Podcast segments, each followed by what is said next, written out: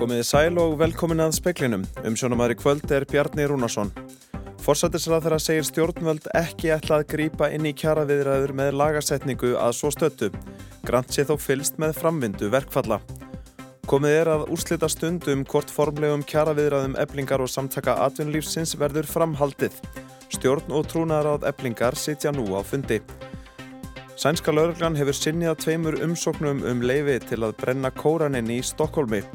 Ástæðan er sögð hriðiverka óp sem slíkum mótmælum getur fyllt. Fyrirverandi varafórseti bandarækjana neytar að bera vittni í rannsóks sérstaks saksóknara á þætti Donalds Trumps í áhlaupinu á þinghúsið í Washington fyrir tveimur árum. Forsætisraðara segir engin áform uppu innan ríkistjórnarinnar um að stíga inn í kjaradeilu eblingar og samtaka atvinnulífsins. Hún segir farsalast að deilur leysist við samningaborðið en ríkistjórnin fylgist þó með því að verkföllin ógni ekki almannaöryggi. Samninganemdir eblingar og samtaka atvinnulífsins hafa fundað hjá ríkisáttasemjara í allan dag, annan daginn í röð, en stöðlíi var gert á fundinum nú á femta tímanum.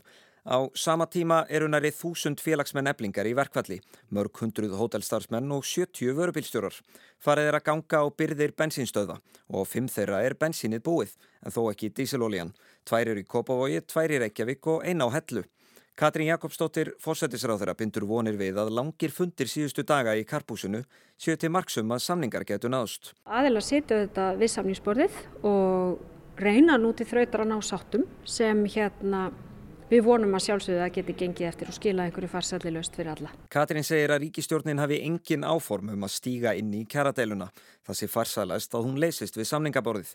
Hins vegar sé vandlega fylst með því að samfélagið geti virkað sem skildi. Undanþáður hafa verið veittar fyrir ímsa mikilvæga starfsemi þannig að okkur er kunnugt um það og erum í raun og veru að taka stöðuna á hverju meinasta degi oft á dag. Stiður þú hérna launafólk í þessari baráti? Ég hef alltaf stutt baráttu launafólks fyrir bættum kjörum en auðvitað er þessi deila, uh, hún hefur verið þung og það hafa mjög stór orð verið látin falla sem ég tek ekki endilega undir þó ég stiði baráttu launafólks fyrir bættum kjörum eðlilega. Saði Katrín Jakobsdóttir í viðtali við Hafdísi Helgu Helgadóttur. Alexander Kristjánsson tók saman. Nú samningarnemdir eblingar og samtaka atvinnulífsins hafa fundað hjá ríkisatta sem að í allan dag. Ekkert búið að taka ákvörðunum hvort formlegar kjaraviðræður verði hafnar. Ríkisattasemeri ætlar að halda fólki í húsi á meðan vonin lifir. Eða hvað Arnar Björnsson er eitthvað að draga til tíðinda í karpásinu? Já, það er allavega mörg hortan líta hjá Ástráði Haraldsinni og hann er hér að glukka í síman sinn. Ástráður uh, núna þegar klukkan er rétt rúmlega 6. Hver er staðan? Já, staðan er svo að við höfum unni núna að því allan dag að reyna að skapa grundvöld fyrir því að hefja þær alvöru samningavirðaður sem við erum búin að vera leita eftir að byrja og uh, nú er sem sagt að draga til uh, úrslita í því hvort að þetta tekst og ég á vona því að á næstu klukkutímum að þá verður það ljóst og, og ég, ég ger mér vonir um að aðilarnir sammælist um að það hafi skapast grundvöldur fyrir alvöru kjærasamnisviðraðum en þeir eru að meta það núna hvori sínu hodni. Um, ég sýnst nú vera að koma svona smá losarabræður á, á fólkið uh, mennar týnast úr húsi hvenar eiga þeir að mæta aftur? Ég á vona fólkinu aftur yngar klukkan 7 og, og, og þá sem sagt uh, trú ég að við leiðum það til líkta hvort að við erum að fara uh, í alvöru viðræður með fjölmiðlabanni og, og tómati sinni búr hráum eins og það stendur. Þú ert búin að vera að trilla hér um gangana, kíkja inn í fundasalina og ræða við fólkið kom með góða tilfinningu fyrir stöðinni, bláköld, blákaldur veruleiki. Hver er staðan akkurát núna? Erum líkur á því að, að veraður helst? Já sko, ég vil allavega segja það að mér finnst að það hafi tekist núna meðan að við höfum verið hérna saman síðan í gæri, er það ekki? Að, að, að skapa jákvæðar andrumsloft og, og meiri möguleika fyrir fólk til að tala saman og, og, og svona betri samskipti og ég held að það sé allt saman til þess fallið að færa okkur í rétt átt. Takk fyrir það Ástaflóður Haraldsson sem er bjart síðan á að hlutinni fara að ganga við hvaðum hérna úr karpúsinu. Takk fyrir það Arnar Björnsson og við fylgjumst það sjálfsögðu áfram með þessu öllu saman. En úr karpúsinu þá förum við allaveg inn á hálendið. Vísindamenn flugu yfir öskjuvatn í dag með TF-SIF flugvel landhelgiskeslunar til að skoða aðstæður. Mikill ís hefur bráðunað á vatninu sem telst óvinnulegt á þessum ástíma. Það er náttúrulega allt, allur ísinn brotin og mulinn og vatnið sem spráðna til helminga, cirka og svo var náttúrulega safna miklu maður gögnum, bæði radargögnum úr, með vélni og, og svo hittagögnum og það er svona lítur út fyrir eins og þessar hittaskjallur hérna í Östufjöllunum eru eitthvað svona stærri heldur en gengur að gerist. Segði Ármann Höskuldsson, professor í eldfjallafræði og einn leiðungursmanna við Þórdísi Arljótsdóttur Frettamann þegar vélum var nýlend á Reykjavíkurflugvilli. Ástæðaflugsins er óvinnuleg og mjög hröð bráðnun ís á öskjuvatni sem alla jafna er ísilagt fram í april. Þá sást á gerfitunglamynd í fyrra dag að snjór hafi bráðnað í hlýðum austan við öskjuvatn. Ís hefur bráðnað af um helmingi vassins. Ég held að sko, sé bara nokkuð ljóst að það, þetta er jarðhitt, fjallið er að þennjast út og eitthvað gefur sig og þá bara fylgir því jarðhitt af umborði. Er að koma eldgós?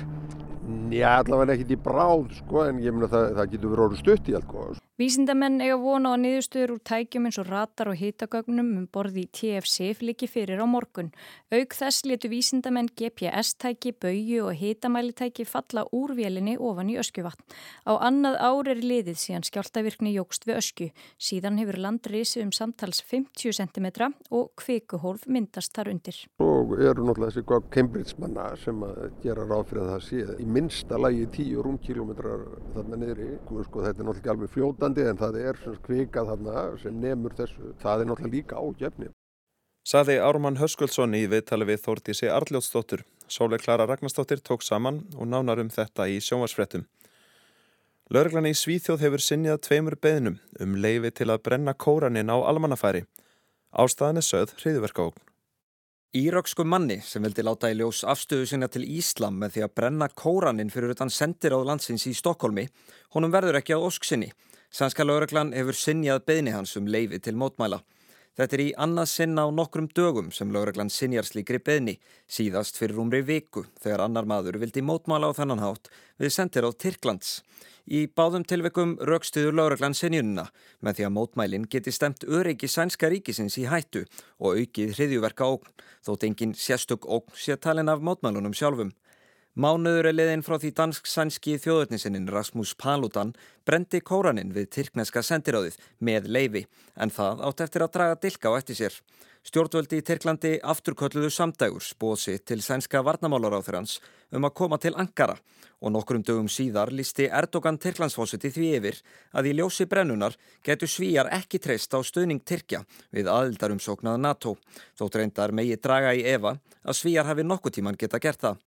Alexander Kristjánsson saði frá. Borgarskjalavörður vissi ekki að hugmyndir væru uppi um að leggja borgarskjalasapn niður.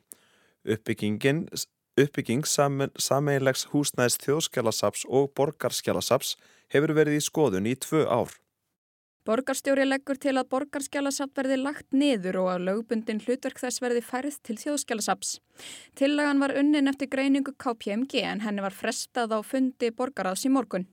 Svanhildur Bógadóttir Borgarskjala vörður segir tillögun að hafa komið sér á óvart og hún fyrst hyrta af henni í fjölmiðlum. Ekki var leitað álit sannar. Við vissum að KPMG hefur verið að vinna eh, svona sviðmyndir í, í sambandi framtíðastefnumörkun fyrir Borgarskjala. En ekki að standi í þetta? Nei, þetta var eina sviðmyndunum. Svanildur segir að hér að skjálasöpt séu starfandi í öllum evrópskum höfuborgum. Í greiningu KPMG sagða miða við núverandi fjármagn hefði sapnið ekki burði til að sinna lagaskildu sinni svo vel væri. Borgarskjálasapt geymir yfir 10.500 hillumetra af skjölum. Þá hefur umfang stafrætnar skjálahyrslu og móttöku aukist síðustu ár. Rekstrakostnaður sapsins var rúmlega 170 miljónir í fyrra. Ég held að sapnin sé nú ekkert mjög dýrt í rekstri og um þriðjungur af fjárframleginu fer í leiðu til borgarinnar. Sameigilegt framtíðarhúsnaði borgarskjálasaps og þjóðskjálasaps hefur verið í skoðun í tvö ár. Það fæli í sér að söfnin ættu sumu höðustöðar en væru aðskilin í starfsemi. Svanildi segir sátt hafa ríkt eina borgarskjálasaps vegna þeirra tilætlana. Hrefna Róbertsdóttir þjóðskjálaverður segir að þetta er því fyrsta sinn sem hér að skjálasafn sveitarfélags væri lagt niður. En uh, hins vegar eru ekki hér að skjálasafn á öllu landinu. Það eru, það eru nokkur sveitarfélag sem að, og nokkur stór sveitarfélag sem ekki eru með hér að skjálasafn, þannig að þjóðskjálasafn sinnir þeim. Verði tillagan samþygt þurfa að leita til menningamálar á þeirra vegna umfangsverkefnisins. Elsa Maria Guðlöks Drífudóttir tók saman og talaði við Hrefnu Róbertsdóttur og Svanhildi Bógadóttur. Í dag hófst atkvaðagreðsla meðal félagsmanna eblingar um næstu lótu verkfalla. Þar kjósa um 600 starfsmenn hótela og gistiheimila um hvort leggja eigi niður störf. Verði það samþygt er allt félagsfólk eblingar sem starfar á hótelum komið í verkfall. Einnig nær það til um 400 öryggisvarða hjá Securitas og öryggismiðstöðinni og 650 manns í restingum hjá dögum og sólar, augminni fyrirtækja, samtals um 1650 manns. Þeirri atkvæðagreyslu líkur á mánudag. Verði verkföllin samþygt eiga þau að hefjast á hádegi 3. daginn 20. og 8. februar í þar næstu viku. Og áhrif verkfalla sem hófust í gær verða sífelt meiri. Ólíja og bensín fer minkandi á nokkrum stöðum á höfuborgarsvæðinu og víðar. Ferðarþjónustan óttasta ferðamenn verði á hrakólum í kringum helgina. Formaður samtaka atvinnulífsins Ejálfur Árni Rapsson let hafa eftir sér í morgun að það veri krafa SA að verkfallsaðgerðum verði frestað áður en til formleira kjaraviðrana kemur. En hinga til hafa SA og Ebling ekki fundað saman í karpúsi sáttasemjara, heldur aðeins í sitt hverju lægi. Ejálfur segir að samtökinn sjáu ekki tilgang í að sitja við samningaviðræður ef verkföll eru í gangi. Hann hveðst þó hóflega bjart sín eftir langan fundardag í gær. Þið hafið svona verið að, að výja því að, að þetta sé tilgangstöst að halda þessum viðræðum áfram nema að, að ebling fresti verkvalli. Er það krafa ykkar? Það er náttúrulega bara eðlilegt að uh, fólk sem er að semja við sanningaborðið að það einandi sig í það verkefni af, af heilum hug og sé ekki með dreifing og sínum starfskröftum í aðra hluti á meðan. Allir því að setja þessum kröfu núna þegar að fundur hefst að, að, að ebling eh, fresti verkvöldum? Eigum við ekki bara að sjá hvernig fundurinn byrjar og hérna hvað lagt er á borðið og hvernig við förum inn í, inn í morgunin. En það er eitthvað sem kemur til greina ef ykkur hugnast ekki svo staða sem kemur upp? Það er nú bara þannig í þessu hefur verið þess að deila frá upp að það kemur allt í greina upp í staði. Þannig að hérna, ég ætla hvorki að, að segja af eða á um það hvernig við, hvernig við förum inn í það. En við mætum núna fyrst og fremst til að semja og það er okkar markmið. Þetta saði Ejólfur Árni í morgun þegar Arnar Björnsson fréttamaður rætti við hann á leið til fundar. Nokkur óvisa er um afgreðslu á eldsneti til þeirra sem fengu undanþái frá verkfallsaðgerðum. 70 fengu undanþái vegna almanna öryggis eða vegna hlutverks í samgöngu og upplýsinga innviðum. Enn er þó alls óljóst hvernig stórum hluta þeirra 70 fyrirtækja og stofnana sem fengu undanþáu og hafa ekki aðgengi að eigin töngum bera nálgast eldsnetið. Frosti Ólafsson, framkvæmtastjóri Ólís, segist hafa gengist eftir svörum um þau mál dögum saman en engin fengið um hvernig eigi að standa að afgjöfslunni. Í dag ákvað skelljungur að loka bensinstöð sinni við skóarlíði Reykjavík fyrir almenningi og hleypa aðeins neyðarbílum að dælunum. Deila eblingar og samtaka atvinnulífsins var komin í algjöran hnút og er raunar enn. Samningarnemdir félagana hittust ekki vikum saman þar til í gær þegar Ástróður Haraldsson settur sáttasemjari, bóðaði samningarnemndirnar til sín. Fundirnir fóru fram sitt í hverju lægi og stóðu frá því klukkan nýju í gerð morgun til klukkan 11 í gerðkvöld. Þráðurinn var svo tekin upp í morgun og hafa fundarhöld staðið í allan dag, en enn er ekki komnar formlegar kjaraviðræðir í gang á milli samningarnemndana. Tóttin virðist hins vegar vera betri í fólki. Til marksum það er samningarnemnd eblingar ekki með mótmálarsmjöld á lofti eins og oft áður og það mátti sjá glott og brosa á andlitum fólks við kaffit kallana í karpúsinu. Arnar Björnsson rætti við Ástráð Haraldsson sett hans áttasemjara um miðjan dag. Ástráður, klukkan er núna hálft hverju staðin í augnabíkin?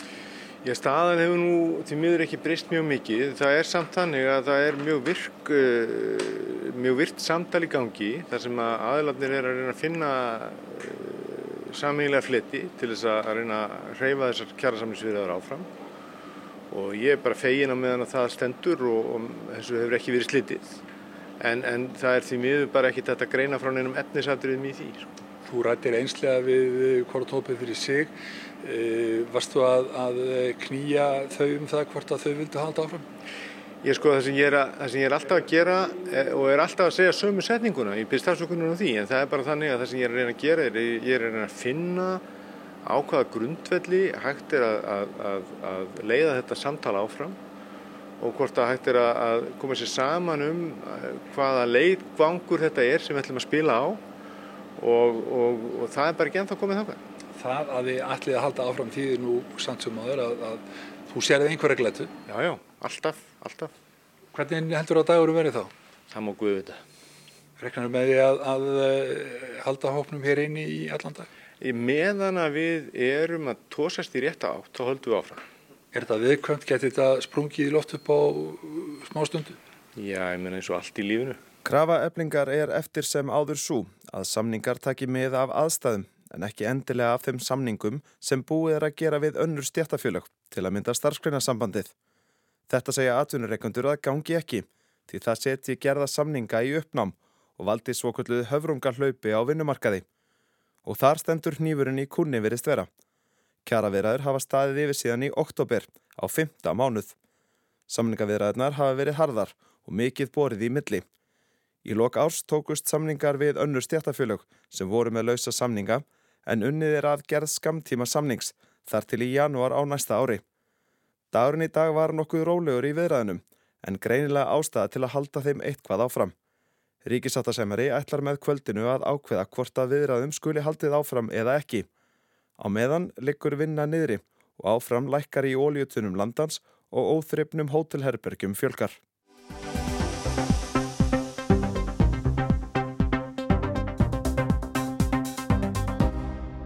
Sérstakur saksóknari sem rannsakar þátt Donald Trumps fyrirverandi bandaríkja fórseta í þinghús ára á sinni 7. janúar 2021 stemdi á dögunum Mike Pence var að fórseta hans til að bera vittni. Saksóknarin starfar á vegum dómsmálaráðunittisins. Að sögn bandarískra fjölmiðla var Pence byrt stefnan eftir langar samningaviðræður, stjórnvalda og lögmanna hans. Haft var eftir varafórsetanum fyrirverandi í bandarískum fjölmiðlum í gær að hann ætlaði ekki að mæta til yfirherslu undir neinum kringumstæðum. Hann var í appell tilbúin að fara fyrir hæstarétt til að fá stefnunni nekt. Það hefur lengi legið í loftinu að Mike Pence erði stemt til að mæta fyrir rannsóknarnemdina til að svara spurningum um atburðina 7. janúar. Í viðtali í frettaþætti CBS, Face the Nation, í november sagðan að ekki kemur til greina að mæta. But Congress has no right to my testimony. We have a separation of powers under the Constitution of the United States, and I believe it would establish a terrible precedent for the Congress to summon a Vice President of the United States to speak about deliberations that took place at the White House. Við höfum aðskilnað valds samkvæmt stjórnarskrá bandaríkjana, saði Pence. Ég tel að það myndi skapa hættulegt fordæmi fyrir þingið að kalla vara fórsetan fyrir og krefja hann sagna um hvað fór fram í kvítahúsinu. Líkast til er engin betur til þess fallin en Mike Pence að varpa ljósi á það sem gerðist fyrstu dagana í janúar 2021 í Washington. Donald Trump neytaði að viðurkenna að hann hefði lotið í lagra haldi fyrir Joe Biden í fórsættakostningunum í november og hefur raunar ekki viðurkent það enn. Þann sjötta var komið að því að bandaríkja þing staðfesti úrslitin. Pence stýrði fundi í þinghúsinu þar sem æstur múur, stöðningsfólk Trumps, hafði sapnast saman. Fólkið hugðist koma í vekk fyrir staðfestinguna og hrópaði að best væri að hengja Mike Pence.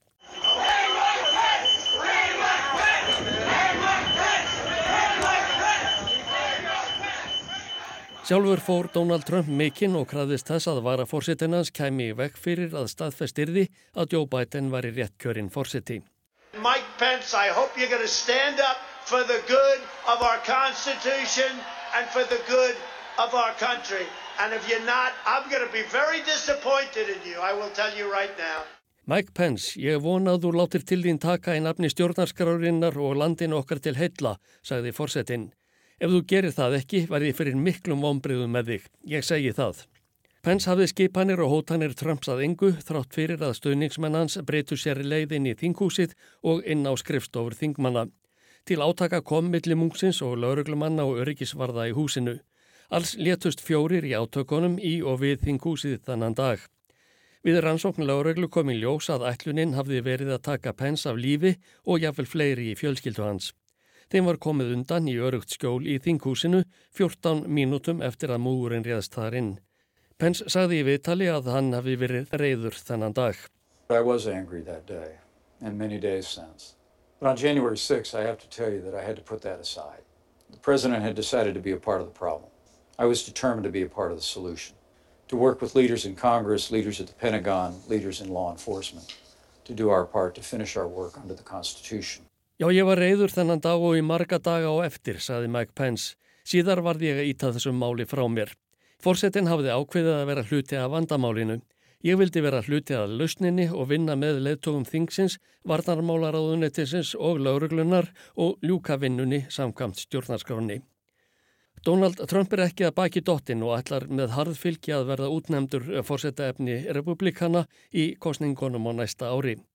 Hann fekk keppi nauti í gær þegar Nikki Haley, fyrirverandi sendiherra bandaríkjana hjá saminuðu þjóðunum, tilkynnti að hún hegðist sækjast eftir útnefningu. Hún sagði meðal annars að tími væri komin á kynnslóðaskipti á aðstu stöðum. We are more than ready for a new generation to lead us into the future. Haley er fyrirverandi ríkistjóri í Suður Karolínu. Hún gengdi sendiherra ennbættinu hjá saminuðu þjóðunum í fórsetta tíði Trumps. Hún er fyrst til að tilkynna ofinbarlega á eftir honum að hún sækist eftir útnefningu republikanaflokksins. Mike Pence hefur marg oft líst við yfir að hann sé að vega það og meta hvort hann eigi að gefa kost á sér. Hann sagði á dögunum að hann og hans nánustu væru enn að kanna jarðvegin. Ronald Reagan said one time, the American people have a funny way of letting you know if they want you to run for president. So we'll be listening, we'll be praying and we'll be deciding what our role might be in the days ahead. Ronald Reagan sagði einhverju sinni að bandariska þjóðin leti það kostulega í ljós hver hún vildi að sæktist eftir fórsetaembættinu, sagði Pence. Við ætlum að hlusta og byggja og ákveða á næstu dögum hvert hlutverk okkar verður. Ásker Tómasson saði frá.